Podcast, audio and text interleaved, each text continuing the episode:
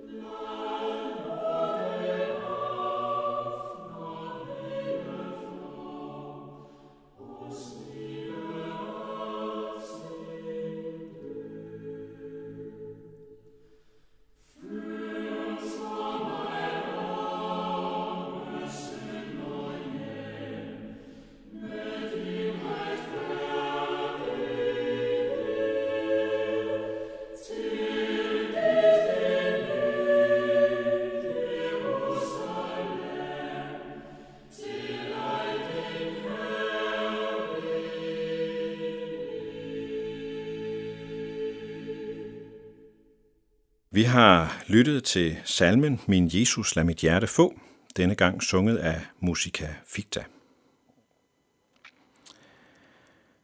Denne uges notabene andagter har jeg valgt at kalde Møder med Jesus. Hver dag vil jeg læse en beretning fra Lukas evangeliet, hvor et menneske møder Jesus, ser ham, hører ham, mærker ham og forandres af ham. Det er godt at lægge mærke til, hvad der sker med mennesker, der møder Jesus. Men vi skal mere end det. Vi skal nemlig sætte os i de her menneskers sted. Vi skal ikke bare høre om og tænke over deres møder med Jesus. Nej, vi skal selv møde ham, se ham og høre ham, mærke ham og forandres af ham. Det er målet. Igen i dag vil jeg læse en dramatisk beretning. Denne gang er det fra Lukas evangeliet kapitel 9, vers 28-36 og det er det afsnit, vi plejer at kalde forklarelsen på bjerget. Det er nu noget tid siden, at Jesus trådte frem på den offentlige scene. Han er blevet en kendt figur. Mange mennesker har mødt ham. Mange har hørt hans fantastiske ord.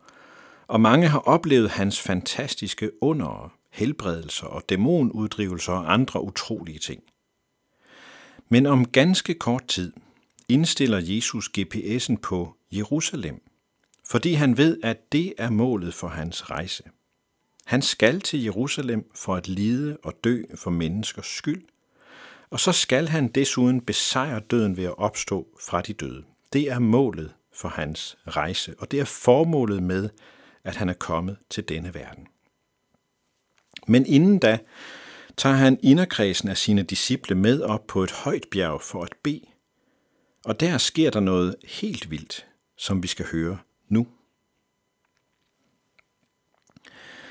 Omtrent otte dage efter, at Jesus havde sagt dette, skete det, at han tog Peter og Johannes og Jakob med sig og gik op på bjerget for at bede. Mens han bad, ændrede hans ansigt udseende, og hans klæder blev blændende hvide. Og se, to mænd talte med ham. Det var Moses og Elias, der kom til syne i herlighed og talte om den udgang, han skulle opfylde i Jerusalem.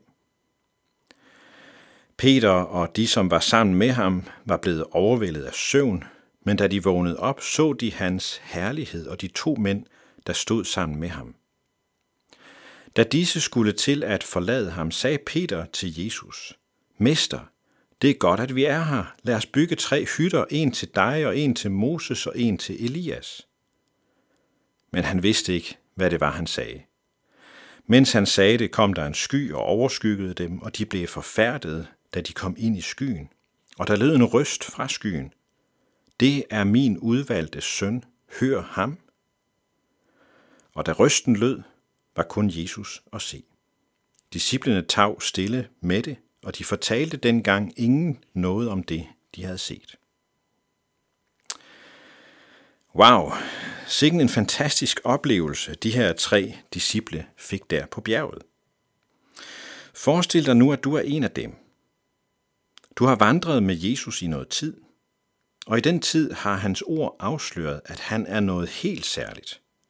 Og hans under har afsløret, at han er noget helt særligt.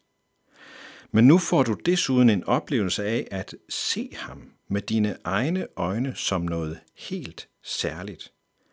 Det er som om hans sande natur pludselig bliver synlig, hans guddommelige natur, og det er både blændende tiltrækkende og blændende afskrækkende. Du ser, at Jesus taler med to mænd, og du ved af en eller anden grund, at det er Moses og Elias.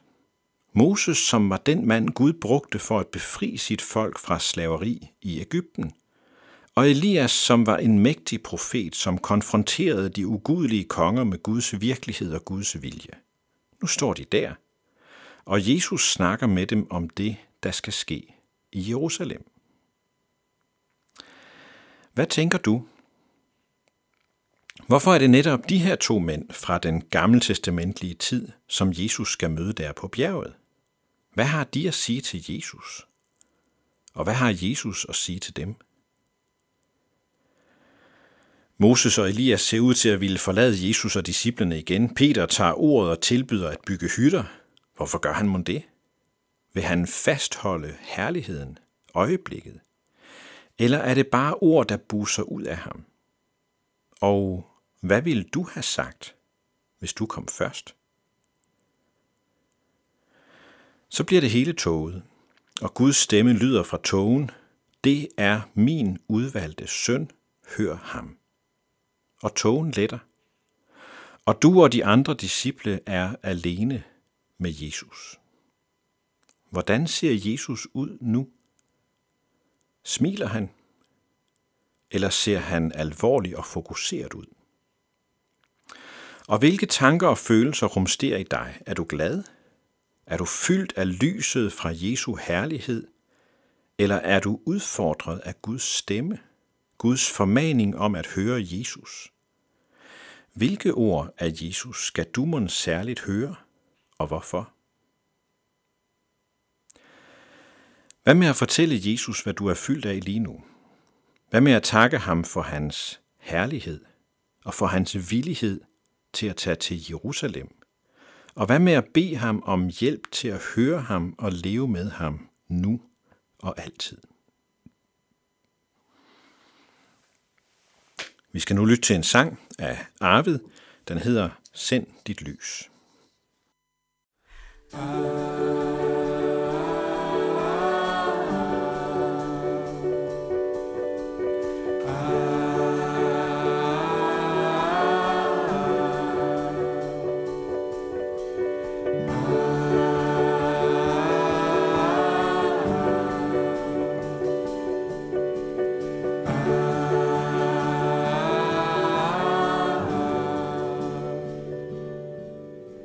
Send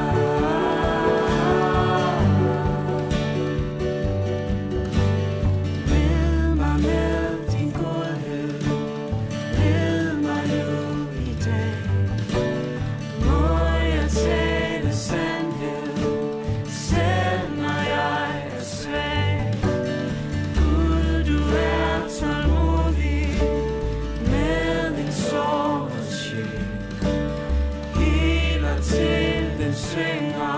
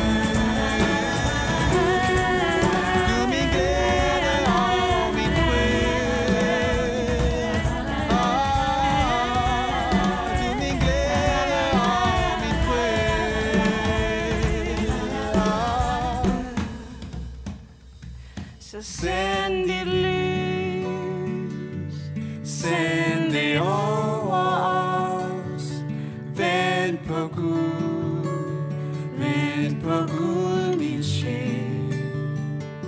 Så sæt